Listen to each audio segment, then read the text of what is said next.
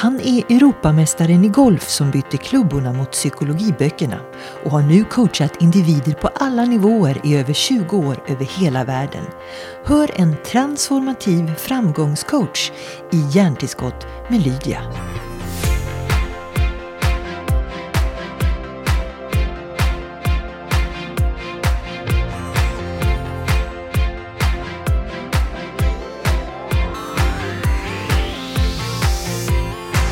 Det är ju kanske det vanligaste jag märker nu är ju hur många det är som har det bra men inte mår bra så att säga. Mm. Att materialismen på något sätt ska trösta oss där det finns luckor. Trodde ja. man ju. Ja, det är ju som den nya sortens kulturellt accepterade beroende. Ja. Vill jag säga. Jag menar, är man alkoholberoende eller drogberoende är inte det så att säga accepterat. Men är man konsumtionsberoende eller något annat då är det inte så någon som håller emot på samma sätt. Utan det är bara, vad kul att det går bra för dig som kan köpa en ny bil varje år. Ja. Du var spännande ämnen. Och jag har faktiskt satt igång eh, inspelningsknappen här. Och, och, jag måste börja med att säga så här, Anders Haglund, vad kul att träffa en boråsare. Ja. du är min andra boråsare. ja, det ser man. Knallebygden får slå till lite. Ja, så jag kanske också börjar prata lite boråsiska här vet du. Ja, det kanske faller tillbaka. Ja, men Anders, nu du är faktiskt i Stockholm och eh, eh, vad, gör, vad ska du göra göra här förresten? Jag följde med min fru upp för att hon ändå skulle upp och så fanns det en möjlighet att göra att komma hit och prata med dig. Så ja. då tänkte jag då kan man ju slå två flugor i en smäll. Oh, jag är så glad att få vara den ena flugan så du anar inte. Eh, men eh, framför allt är ju du här för att du har ju sån spännande titel, nämligen transformativ framgångscoach. Ja. Och, och framgångscoach och coach har man ju hört talas om, men transformativ? Ja. Förvandlas du? Vad händer? Ja, men det är väl så att när jag började, jag har ju varit professionell coach nu i 22 år. Eh, vilket eh, känns konstigt nästan. Eh, men eh, när jag började så var det ingen som var framgångscoach. Jag uppfann nästan termen. Eh, och sen så när jag började studera det jag studerar nu, om vad är det som gör skillnad på riktigt? Så började jag titta just på det här med vad är, vad är det egentligen? Och då tänkte jag att normal coaching, då håller man någon ansvarig för ett resultat och så ska de bli lite bättre hela tiden. Jag såg någon liten larv som gick och styrketränade och blev en bättre och bättre larv och en starkare och starkare bättre larv så att säga. Och det är ju normal förbättring. Mm. Men sen rätt vad det går de in i konkongen och så blir det en fjäril. Där, där är en transformation. Och då såg jag det att ja, men det är vad jag vill hålla på med. Jag vill inte göra larver bättre och bättre. Ehm, jag hörde då också en komedian som sa just det att The problem with the rat race is that even if you win you're still a rat.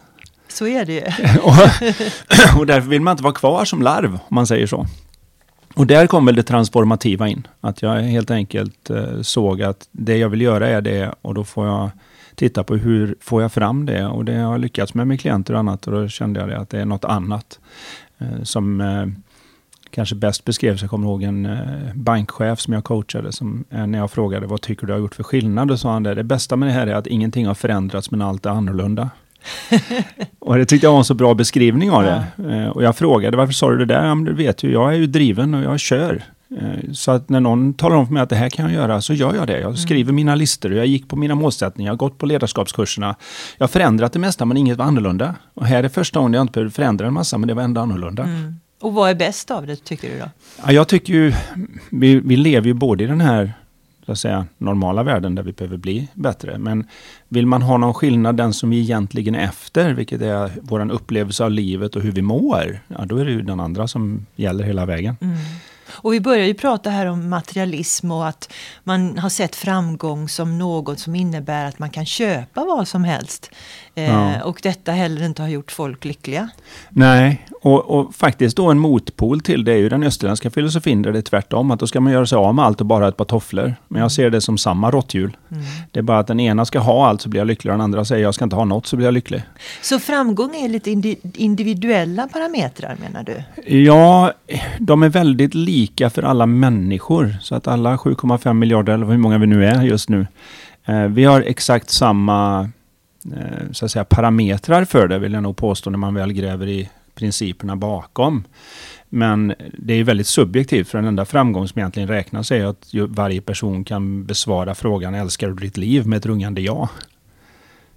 Mm. Ju... Jag, var, jag var tvungen att tänka efter och ställa frågan till mig själv. och, ja, men det här med äh, älskar du ditt liv? Ja, om, om jag ska bli personlig här, det går ju lite upp och ner. Ja. Vissa dagar, och det, när man talar om lycka, ibland är det ögonblick man pratar om. Ja. Men de ska man ju vara glad för också. Ja, det tycker jag. Och jag tror också att definitionen av lycka har fått bli allt för påverkad av eh, det Hollywoodska maskineriet.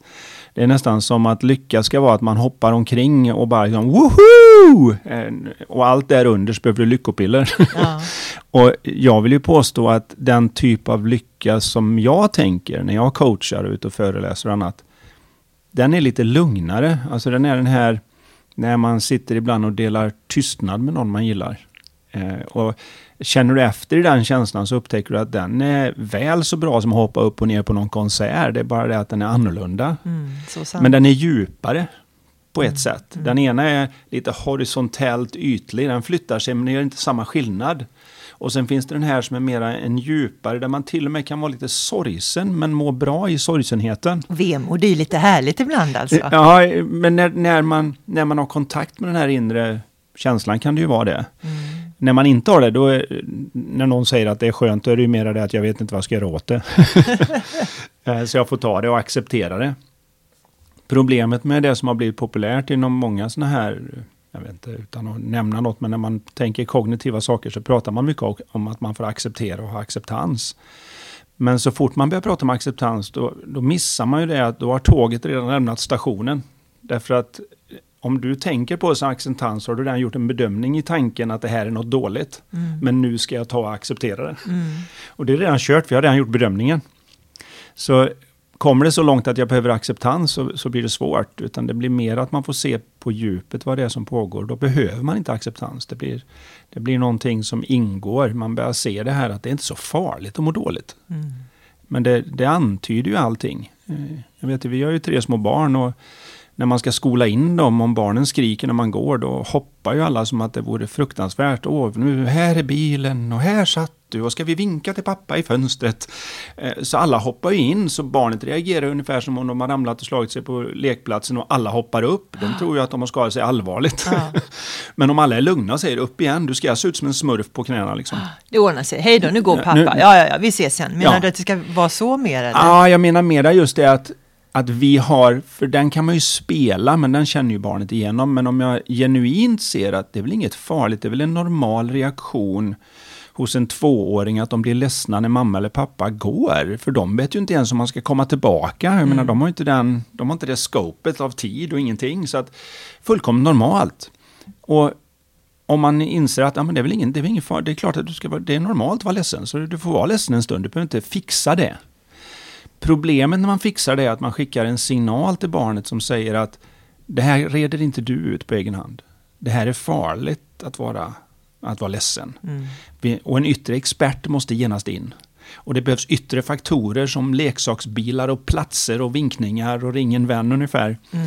Eh, för att ordna det här och sen när vi växer upp och är 25 och mår lite dåligt, då behöver vi en Ferrari och vi behöver ha folk nära oss och vi behöver allt möjligt för att redan där startade idén att det är något jobbigt med egentligen att, som att det är konstigt att man har misslyckats bara för att man råkar må dåligt en stund. Eh, och jag tycker att eh, det ingår i lyckokonceptet lite grann att eh, det är att vara människa, det är som vädret. Vädret är inte dåligt för det regnar, bönderna gillar det jättemycket. Men när du säger detta så blir det också väldigt tydligt vilket ansvar vi har när vi fostrar de här små individerna. Vi fostrar en hel värld. Och det, då börjar man verkligen förstå, eller vi måste påminna varandra oss om hur viktigt det är, de där små tecknen vi ger ungarna när de är sådär i den åldern. Ja. Eh, och det är ju enda sättet att, så att säga, transformera världen, om vi ska prata om det, det är just att nästa generation måste uppfostras lite annorlunda. Mm. Um. Men vi som är kvar och är färdiglarvade på något sätt, ja. Eh, går det att förändra en, en vuxen attityd som är sned? Ja, jag har märkt eh, det med både mina klienter och andra att i väldigt hög grad. Det som man måste förstå bara, det är just att det är en enorm skillnad på att det hjälper inte med tips och råd. Tips och råd är väldigt bra för de som inte behöver dem. Eh, jag brukar säga det att eh, ta en, ta en titt till exempel och gå fram till någon som är överviktig och så säger han, men ät lite mindre, rör på dig mer. Mm. Så är det här över. Ja, tack.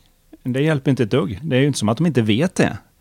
Det är bara att de har inte koll på vad som egentligen händer. På baksidan av ett cigarettpaket så ser man när det står liksom rökning dödar, rökning ger cancer. Men de enda som gillar att det står där, det är ju icke-rökare. Rökarna har ju antingen attityden att ja men det händer inte mig. Eller att jo jag vet men jag kan inte sluta, nu måste jag ta ett bloss. så, så det hjälper inte utan ska man få till en förändring och med en vuxen så handlar det helt enkelt om att man måste förstå bättre för att kunna göra bättre. Och det är en enorm skillnad på att veta och förstå. Många vet mycket.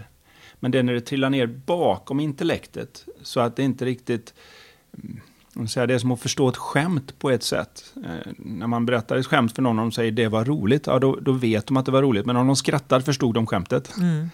Och en av dem har väldigt mycket roligare i livet så att säga. Den som skrattar har mycket roligare.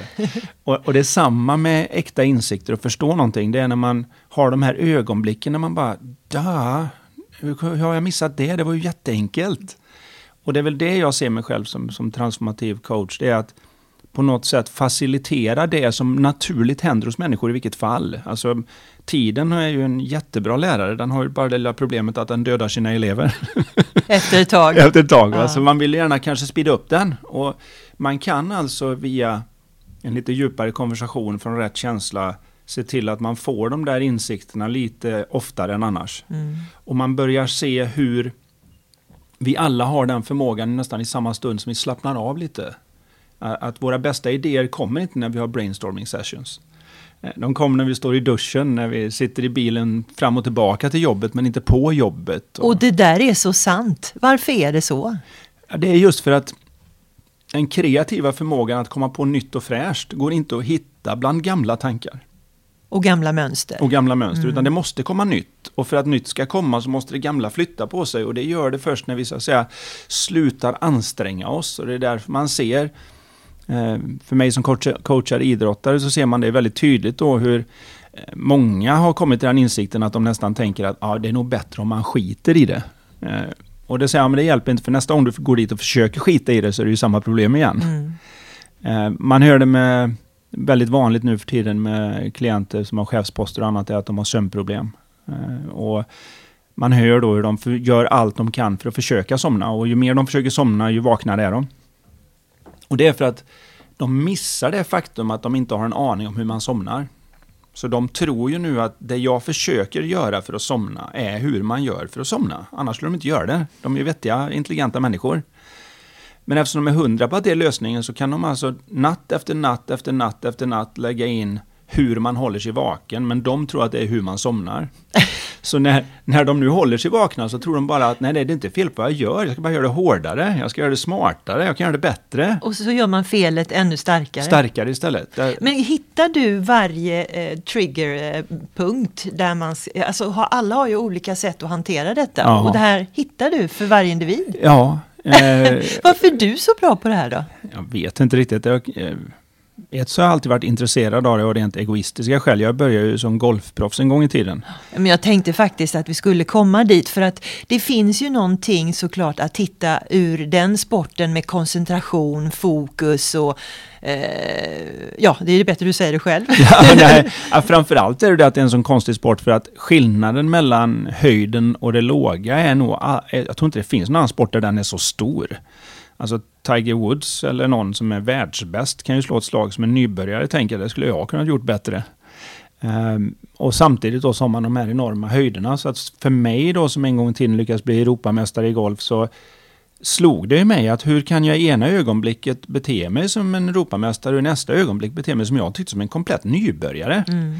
Det är ingen som har sågat av ben och armar, ingen har ändrat mina resurser och förutsättningar så jag visste att något annat pågår ju. Så jag blev ju rent, eh, säga, rent personliga skäl så blev jag väldigt in, intresserad. Så jag satt på flyg och hotellrum och annat och läste böcker om psykologi och så här. Eh, och tyckte det var spännande. Men då tänkte jag aldrig på att det skulle vara till att hjälpa någon annan, om jag ska vara ärlig. Utan det var helt... Eh, för egen skull? För egen skull. Liksom. Är man Europamästare vill man bli världsmästare. Och så hade man ju den vanliga idén om livet att om jag bara blir världsbäst eller åtminstone kommer upp och vinner några stora tävlingar så att ekonomin är ordnad och jag kan bo var jag vill bo och jag kan välja vilken tjej jag vill och allt det där så kommer man ju vandra in i Disney-avslutningen in i solnedgången. Liksom. Vad hände då? Nej, någonstans där på vägen så upptäckte jag att jag blev mer och mer intresserad av att hjälpa andra. Alltså när andra kom fram på ranchen och sa Anders, du som vet. och, och, så började man prata och så märkte jag, jag spenderar mindre och mindre tid att träna själv. För jag tycker det är så kul att se när det liksom blinkar till i ögonen och, och man ser när en människa förstår någonting de inte förstod alldeles nyss mm. och någon ny möjlighet har uppträtt. Det är det där med poletten som trillar ner. Ja. Det, är, det är ett litet uttryck men det stämmer ju så väl. Ja, det gör ju det. Och, och, och, det är så tydligt när det sker. För jag tror att många hindrar sig från att ha de ögonblicken lite grann därför att de har någon biblisk proportion på det där. Man ska få bli nedslagen av en blixt från kamelen och prata med brinnande buskar. Det är en insikt liksom. Men, men oftast är det, för mig i varje fall, så är det oftast bara just den där känslan av, ah, varför tänkte jag inte på det? Ja. Det var ju så enkelt och nu, jag förstår inte hur jag kunnat missa det så här länge. Och den går ju då att hjälpa till med, den är underbar när man ser eh, på, på både stora och små områden. Då. Mm. Eh, att... Vi ska inte släppa golfen riktigt så snabbt ännu, Nej. för stämmer det rykte, som, eller rykte, jag har läst det någonstans, att du eh, hjälp, du hjälpte Tiger Woods tränare. Ja, eh, jag coachar ju honom. Eh, Sean Foley va? Sean Foley, ja. Och vänta, han... vänta, vänta nu. Så han som är tränare till världens bästa golfspelare, Eh, han var det han var då. Det Men nu är han det igen, för nu är Justin Rose har varit världsetta och han coachar ju honom. Och, så att eh, han har fått ta över facklan. Men eh, han är en av världens bästa tränare och han, vi gick, eh, vi var i Dubai och träffade varandra och så gick vi och pratade och så sa han, jag måste veta det du vet. Eh, för han kände det, både för personligt skäl då först och sen när vi hade coachat i ett år så sa han det, jag fortsätter ett år till för det är ett djup att förstå det för mig och sen är det ett djup för att kunna förmedla det till mina eh, spelare. Mm. Så att eh, vi har hållit på så det är jättespännande. Det är fantastiskt och bara för att ändå vi ska kunna förhålla oss till Sean Foley som är en fantastisk person. Eh, gick på den, ett universitet där han var minoritet. Han gick ju med massa färgade ungdomar ja. och hade ett helvete som minoritet. Ja, Men lärde sig så mycket om hiphop och jämlikhet och allt det där. Va? Så han har ju en otrolig bredd och framförallt jag vill komma till. Han lär nu fattiga barn att spela golf. Ja. Och, och, där kommer vi lite grann till pudlens kärna här, för att golf, det är ju inte för alla, i alla fall inte för det mesta. Nej, i Sverige var det väl känt som moderatbandy eller någonting ja. fram till Sven Tumba första gången eh, som då höll på med hockey och fotboll tog sig an sporten. Jag vet min egen pappa då som var fotbollsspelare och spelade i Elfsborg en gång i tiden. Han tyckte ju liksom att den där sporten håller man inte på med. Men så när Tumba började så blev det lite rumsrent mm. för arbetarklassen och ge sig an sporten då på något mm. vis. Och det var så jag kom in i den. Jag har ju sporten så ofantligt mycket att tacka för alla möjligheter man har fått, både med resor och kulturer och människor och nätverk och sådär. Så att... Men eh, du behöver ju naturligtvis inte avslöja vad Sean Foley vill ha hjälp med, men vad brukar ändå högpresterande människor eh, söka hjälp för eller med? Den vanligaste är väl det att de har krockat med den traditionella föreställning du får blir utbildad till när du är liten. Vilket är att okej, okay, se nu till att lära dig knyta skorna och sen så går du till skolan och så får du bra betyg och sen när du får ett bra jobb och så träffar du en bra person och så får du fina barn och så till slut så går det bra för dig och så är du klar. Liksom. Sen kan du dö. Sen, kan du, sen kan du, har du gjort ditt men då får du dö lycklig på ja. något vis. Och sen krockar de med det där så det kanske vanligaste jag får höra från framgångsrika människor är just den här att jag har det så bra, varför mår jag inte bättre?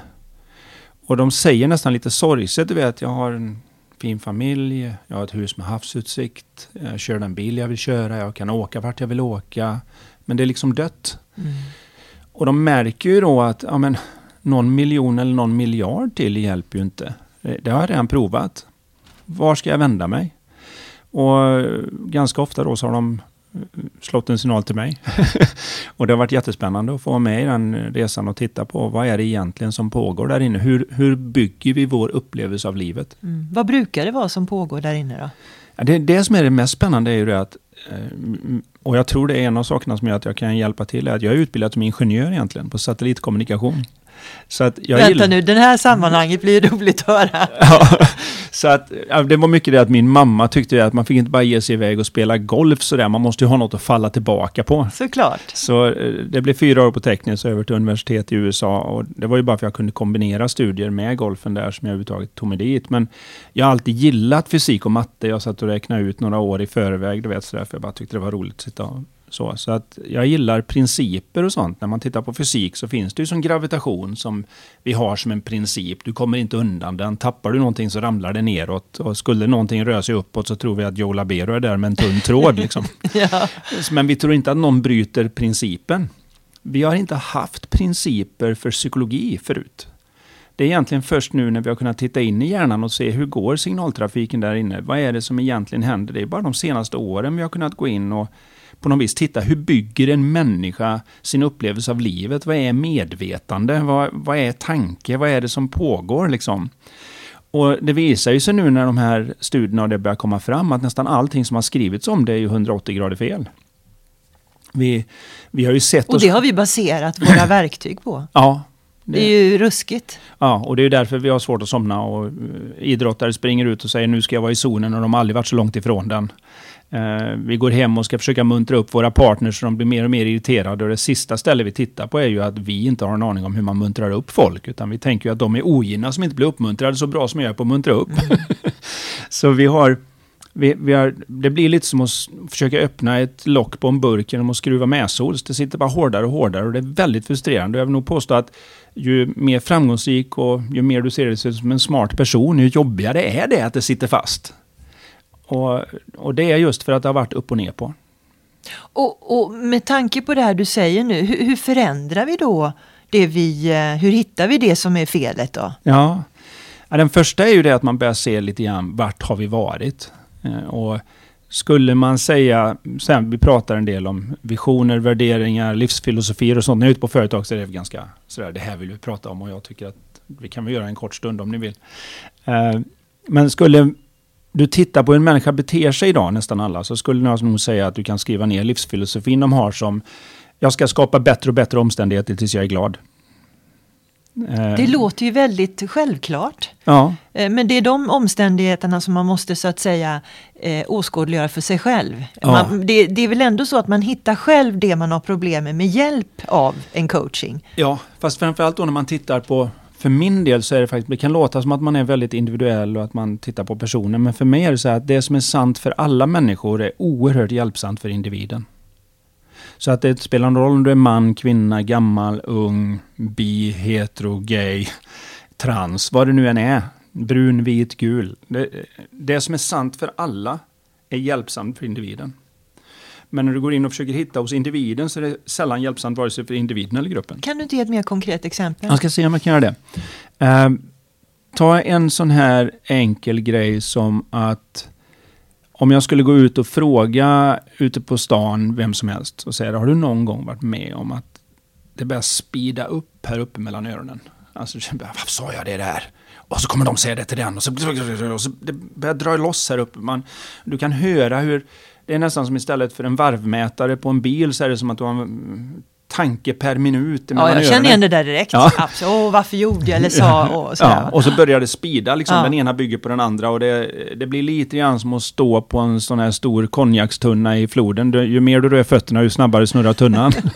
ja. och det känns som det är tunnan som kastar av dig, men om inte du hade varit där och rört på fötterna så hade den legat still. så så då när man frågar folk säger de, ja men jag känner igen mig. Det kan jag känna igen mig. Så säger man så här, när det händer, hur känns det egentligen? Ja, det känns inget bra, det blir tryck över bröstet och det är fjärilar i magen. Det är överhuvudtaget ganska obekvämt när det händer. Vad händer med humöret då? Ja, det går ju neråt då. När du är på dåligt humör, hur ser världen runt omkring dig ut? Ja, den ser sämre ut. Alltså vore det fair att säga att när du har speedat upp här och du går ner på stan, att det är ovanligt mycket idioter på stan? och att och att om, om, om du är riktigt ärlig så skulle vi kunna sätta dig i en lögndetektortest och så skulle du kunna passera den ganska enkelt när du sa att ah, men det är för det är så mycket idioter på stan som jag är på så dåligt humör. Alltså det är så det ser ut för våra sinnen. Mm. Det, och, och, de flesta säger, ja men jag vet precis vad du pratar om. Och så säger man, men har du någon gång varit med om att det lugnar ner sig mellan öronen? Det är inte som att du slutar tänka, det är inte det här som man brukar säga no thought state eller nirvana eller någon meditationsform av något slag, utan det är naturligt mera, tankarna kommer poppande som tankar kommer poppande, men de har inte, du börjar inte hoppa på dem så tunnan börjar snurra på samma sätt. Utan de, det blir mer, jag borde ringa den personen. Mm. Mm -hmm. Och så kommer nästa. Och så, så det, tanken går nästan med samma fart, men det är inte samma upplevelse av kaos, om du förstår vad jag menar. Och då kommer alla människor säga, ja men det vet jag vad du menar, det har jag haft sånt. Ja, hur känns det då? Det känns jätteskönt. Ja, vart har du med det? Det blir bra. Vore det fair att säga att när du går ner på stan i det humöret så är det mycket trevliga människor på stan. Och att du har kunnat ta lögndetektortest på att det är trevliga människor på stan så är det inte konstigt att jag är på humör.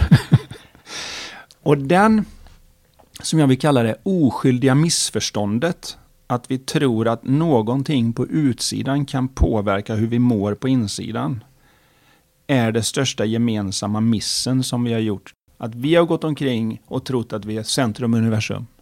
Och så åker saker här. Solen går upp och solen går ner. Jag mådde bra och så mådde jag dåligt. Och, och så får man ju fixa med det. Man får offra och allt det där som man gjorde förr. Man får skära halsen av en gris. Fast det, numera är det liksom när jag köper den där kappan då så oh, känns det lite bättre. Eller går ut på löpturen. Ja. 15 minuter in så brukar det kännas bättre. Jag sätter mig och mediterar.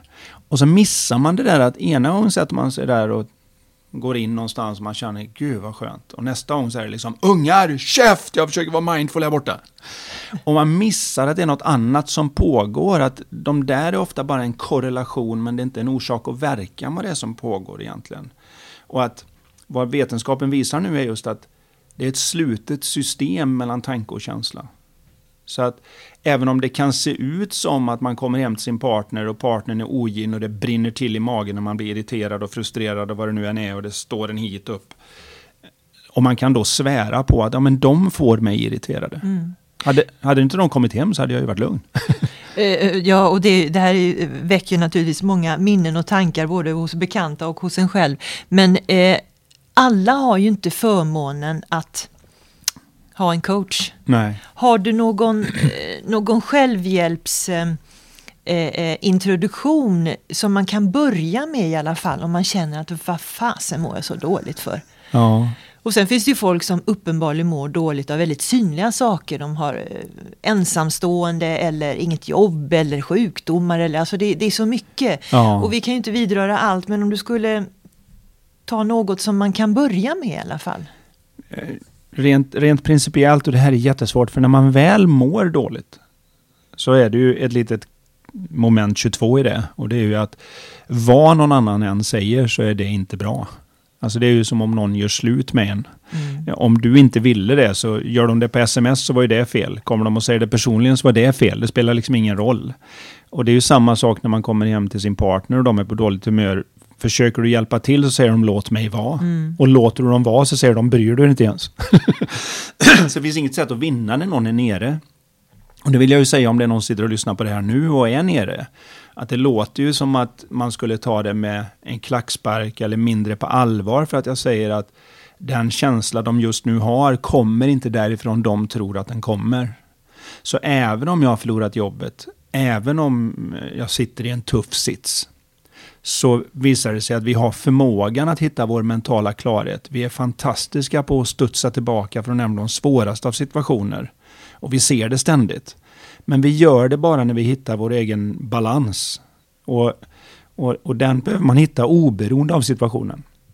Så om vi tar människor som är ganska vanligt idag, och jag får frågan om mycket, det är att de säger saker som att Ja, vad gör man när man är så orolig som jag? Jag kan inte låta bli att oroa mig. Är, eh, vi lever i en värld som är osäker, så det är inte konstigt att oroa mig. Jag, att jag håller på här uppe mellan öronen, det är ju bara ett naturligt, en naturlig respons på en hektisk värld. Liksom. Och det de missar nu då är att ett oroligt sinne som tittar ut på världen ser problem överallt. Och ett oroligt sinne som ser problem överallt känner att jag måste lösa de problemen, annars kan jag inte jag sluta oroa mig. Och då låter det nästan som ett hån tror jag för en hel del, och det säger jag av erfarenhet efter att ha coachat så mycket människor som jag har gjort. När man då säger att du måste faktiskt släppa din oro oberoende av det där. Och när du gör det och tittar ut på samma värld så är inte alla de där problemen där. Och de som är kvar, som var på riktigt fortfarande, de är en ganska enkel syn för dig just då när du är lugn. För då ser du att det kan jag göra, det kan jag göra, det kan jag inte göra. Vad du säger lite grann, sansa dig lite, säger du. Sansa dig lite och börja bena i det här. Eh, att man har lite diskussioner med sig själv, det är ju också ganska tufft för många, men, men man kan börja där menar du? Ja, jag menar att du inte har diskussioner med dig själv, utan du har den mera generellt om hur det fungerar. För annars blir vi tillbaka på tips och råd, du vet. Mm. Det är inte hur man har det, det är hur man tar det. Tänk positivt. eh, och det hjälper ingen, utan man vill nästan slå den människan i ansiktet om man är nere. Så vad det här handlar om är mera, har jag haft tillfällen till exempel där jag har haft för mycket att göra. Vi säger jag har en att göra-lista där det är mänskligt omöjligt att hinna med allt den här dagen som jag tycker att jag borde göra. Jag tror att de flesta i dagens läge kan hålla med. Eh, när jag är ute på företag så verkar det i alla fall vara stridsropet 2019 är det mycket nu. Mm. Så alla kommer säga, ja men där har jag varit. Ja. Och har du varit stressad någon gång när det har hänt? Och så säger ja det är klart jag har varit stressad över det. Ja, men har det hänt någon gång att du har haft jättemycket att göra? För mycket att göra, men du har bara känt dig stimulerad och tiden flyger förbi? Ja, det har jag ju. Ja, men då kan det inte komma från att göra-listan, för då är det inte principiellt. Tappar du en penna så ramlar den ner varje gång. Den kan inte bara plötsligt flyga upp och du kan inte säga att, att göra-listan stressar mig och nästa gång säger du att göra-listan är stimulerande. Mm. Eller Tvärtom, jag har ingenting att göra. Har du varit stressad den gång? Ja. Varför ringer jag inga kunder? Varför har jag inget att göra? Va? Det här är ju jättejobbigt. Och andra gånger säger man, gud vad skönt att bara vara med själv och komma i fas. Och den typen av generell diskussion där man ser, vänta här nu lite, kan det ligga någonting i att mina känslor inte kommer ifrån det jag tror att de kommer? För jag, jag skulle kunna svära och gått igenom den här lögndetektortesten på att det kommer från att göra-listan, vad pratar du om? Jag har ju mer att göra än vad man kan hinna med, det är klart man är stressad. Nej, det är inte därifrån den kommer. Utan vi lever i upplevelsen och känslan av våra tankar 100% av tiden. Och det här gör att du kan sitta ensam och känna dig som du är i kontakt med universum i stort sett. Alltså du har aldrig känt dig så skönt ihop med allt. Och du kan sitta mitt i en konsert i Central Park bland 100 000 personer och känna att du aldrig varit så ensam. Eh, och du kan stå mitt på golvet i det mest stressiga man någonsin sett på Wall Street och känna ett enormt lugn. Och du kan bli uppskickad på Kebnekaise och fjällvandra och känna att han ingen täckning. så, så när man väl ser att hela ditt humör flyter med kvaliteten på de tankar du för tillfället tar på allvar. Så det är inte så mycket att jag behöver ändra tanken som det har varit mycket populärt att göra. Du vet kognitiva, eh, alla möjliga terapier och annat som jobbar kognitivt jobbar med att man så att säga på något vis ändrar på tanken eller man sätter den i ett annat sammanhang. Man gör bilder större och mindre och längre ifrån och närmare och ändrar röster i huvudet och man försöker på något vis reframa hela grejen så du kan se det på ett annat sätt. Affirmation, att ja, se framgången framför sig. Ja, till liksom. exempel. Då, va? Och alla vet ju det att när ditt humör är lågt och någon säger till dig kom igen nu sådär peppande så säger man käft tror du inte jag försöker. Mm. Och jag vill påstå att det som jag kallar lycka, inte det amerikanska lycka, är lika osynligt för oss. Med andra ord, det är som att bara vara i mental balans. Du tänker inte på att du är där förrän någon säger till. Va? Man... Men Anders, jag måste eh, faktiskt erkänna att jag aldrig varit så tyst i en podd som nu. För jag, jag vet inte om det är bra eller dåligt. Alltså det blir ju många tankar, för man, man, allt det du säger gör ju att man försöker associera det med sitt eget ja. liv och det man gör. Och dessutom, tiden går ju ruskigt fort när man har roligt. Ja, hur, hur, ska man runda av det här? Det var ju så många insikter, ja. mental klarhet, visioner för framgång, coaching med resultat, allt det där som jag vet att du jobbar med varje dag. Sweet spot eh, vet jag också att du eh, pratar om. Mm. Hur ska mm. vi sammanfatta det här så att folk känner att det finns hopp? Ja, jag skulle säga att det är otroligt hoppfullt att veta att fabriksinställningen hos alla människor är den här balansen. Eh, ett sätt som jag brukar på något vis få folk att varsebli det är att jag ber dem ställa sig upp i balans.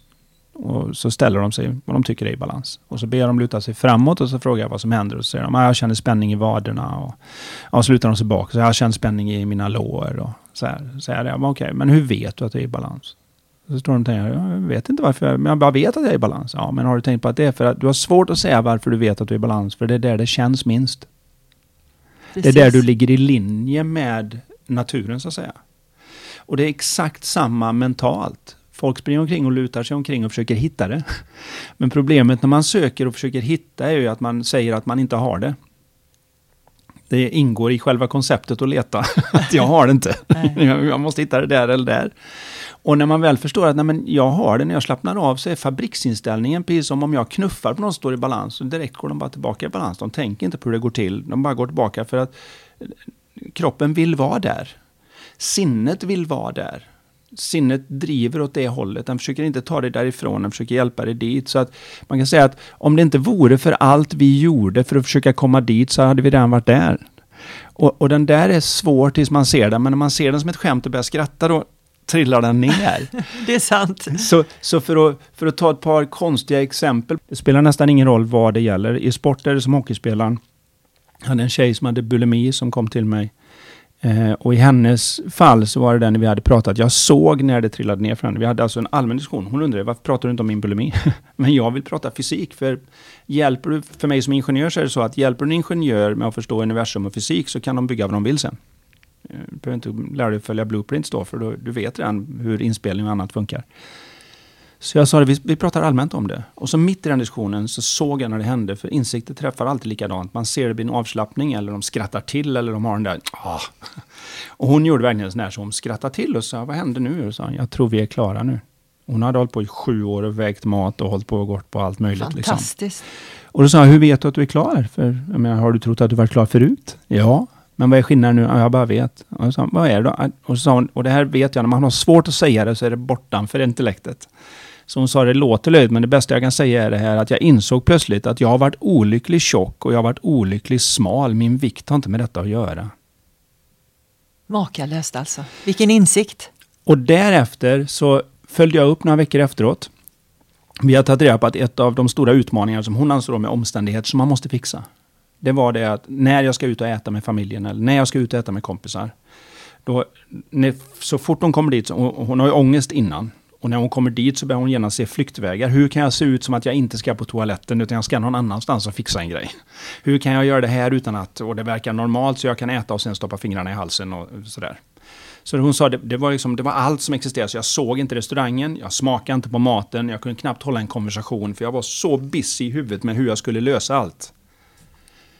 Och, och jag sa, har du varit ute nu sen sist då? Sen du hade den här, där det trillade ner? Ja. Hur var det då? då? Är det det som är så konstigt? Jag tänkte likadant. Alltså jag kom upp och det första jag såg var ju hur jag skulle krypa bort på något ställe och jag kunde gå den svängen och sen till toaletten och det här. Men det var, det var mera som en James Bond-film den här gången. Alltså det var bara liksom, vilken häftig grej att jag kan fundera ut alla de här grejerna. Och inte göra dem. Och inte göra dem. Jag behövde inte, tanken hade ingen kraft kvar och jag frågade hur tänker du om det när det händer då? Och sa, nej, men jag behöver inte ta den på allvar längre för det är bulimitanken. Och där är en stor skillnad i den där att, ja men det får du inte tänka på. Eller tänk mer positivt istället för negativt. Utan det är just den där att man får en annan relation till tanken istället. Man börjar se att den har ingen som helst kraft innan jag tar den på allvar. Innan dess kollapsar den inte in i en verklighet. Och den behöver man se därför att den kommer med en varningssignal. Så att ju mer jag tar mina tankar på allvar, ju obagligare blir känslan. Men det är en varningssignal på samma sätt som att ta en brännplatta. Men nästan all terapi och annat har gått ut på att nej, nej, nej, nu är vi på rätt ställe för jag ser ju att vi är på väg nu. För att det är jobbigt ja. För det är jobbigt va. Ja. Så istället för att se att nej, nej, det är en varningstecken på att nu använder du inte dina mentala fakulteter på ett användbart sätt. Ta bort handen från plattan. Och att ta bort handen från plattan mentalt är helt enkelt Eh, har du en dålig känsla i kroppen så behöver du inte ta det du tänker på allvar, för du är helt ute och cyklar. Du ser en skev värld nu. Den, den, är inte som den ser ut. Den är som när du har ett oroligt sinne och det är tusen problem där ute. Utan det oroliga sinnet existerar inte de problemen. Så det är där man börjar se hoppet när man ser att alla har den möjligheten, oavsett om man är proffsidrottare eller man är en tjej som har problem med vad man äter och annat, att det genereras fortfarande för att hela min upplevelse i varje ögonblick kommer från min tanke här inne som genererar känslan som sen gör att jag, de ofta tänker istället, jag känner så starkt, det måste vara sant. Ingen rök utan eld. Istället för att säga att nej, nej, nej, jag känner så starkt så jag kan låta bli det helt och hållet. För nu, nu det, finns det ingen validitet i detta. Vet du Anders, jag hoppas vi alla kan återgå till våra fabriksinställningar ja, oftare. Det är mitt mål. Och, och, för den som vill börja så har jag även ett eh, coachbrev som går ut varje vecka. Det är lite över 30 000 personer som läser det där. Eh, och där försöker jag skriva det bästa jag kan om det här för den som vill veta mer och det är gratis. Så att man kan bara gå till eh, andershaglund.se och signa upp så får man de här tankarna lite mer om det är någon som känner att det slår an en sträng i, även i det här korta formatet. Och, vet, och vet du Anders, det bästa livet är ju gratis. Ja, jag tycker det. Det är den här podden också. Ja, precis. det är ju så. Stort tack för att du ville vara med.